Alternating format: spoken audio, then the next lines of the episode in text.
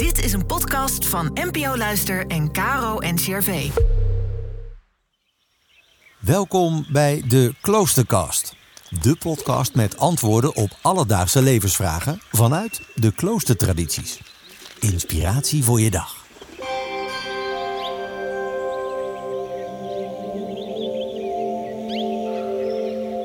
Het is vastentijd, de tijd van versobering ter voorbereiding op het paasfeest. Verschillende kloosterlingen geven in deze periode antwoord op de vraag: vasten, wat is dat eigenlijk? Vandaag Hetty Berflo. Ze is al 23 jaar karmelites en woont in het Karmelklooster in Boksmeer.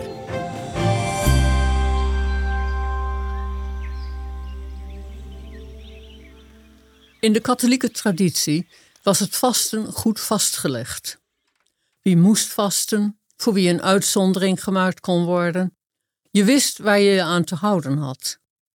Tegenwoordig ben je veel meer op jezelf aangewezen. Of je gaat vasten en als je gaat vasten in het vinden van de goede maat. Hoe je het doet, wat je doet, hoe streng je moet zijn of juist niet streng.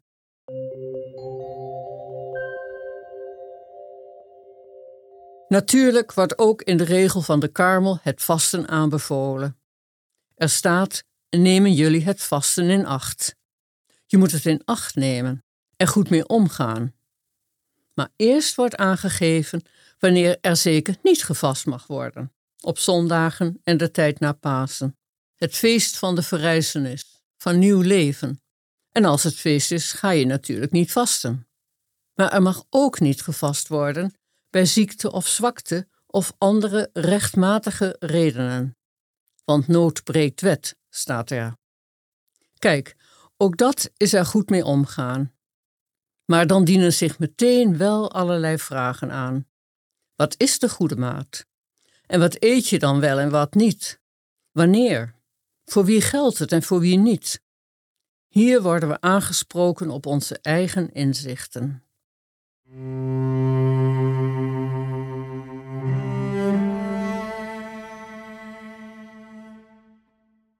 Je kunt vasten op allerlei manieren, zoals in het gebruik van internet, van alcohol, kleren kopen of iets waarvan je weet dat je er eigenlijk te veel in gevangen zit. Vasten vraagt dus vooral onderscheiding en eerlijkheid ten aanzien van jezelf en je motieven. Waarom doe ik het werkelijk? Ben ik alleen maar met mezelf bezig?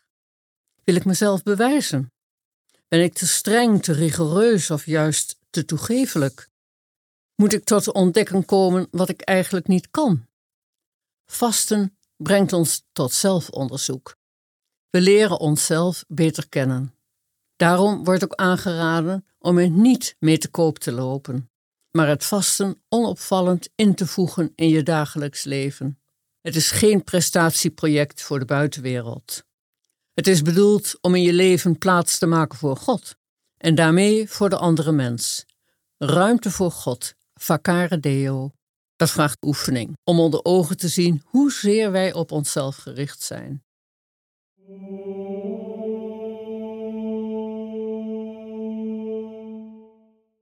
Vasten is één van de oefeningen om ruimte te maken in je leven en ontvankelijk te worden voor God en voor de ander.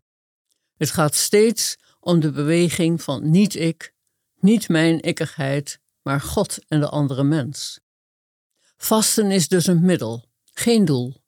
En zo gebruiken sommige mensen het vasten om het geld wat ze nu niet uitgeven weg te geven aan anderen, aan een goed doel. Daarmee maak je ook ruimte voor iets of iemand buiten jezelf. Daarom de belangrijke vraag: waarom doe ik het werkelijk? Vasten, een tijd om stil te staan bij jezelf, je gedrag, je motieven en vooral om ruimte te maken voor God en de ander. Bidden helpt je bij dit hele proces om steun te vragen, inzicht en wijsheid. Barmhartige God, breng ons tot bezinning.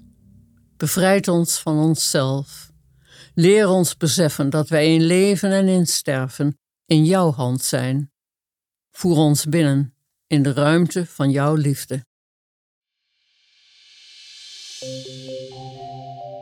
Morgen in een nieuwe aflevering van de Kloostercast vraagt Norbertijn Joost Jansen: wat kan de uitspraak van Jezus keer je tegenstander de andere wang toe in een oorlogssituatie eigenlijk betekenen?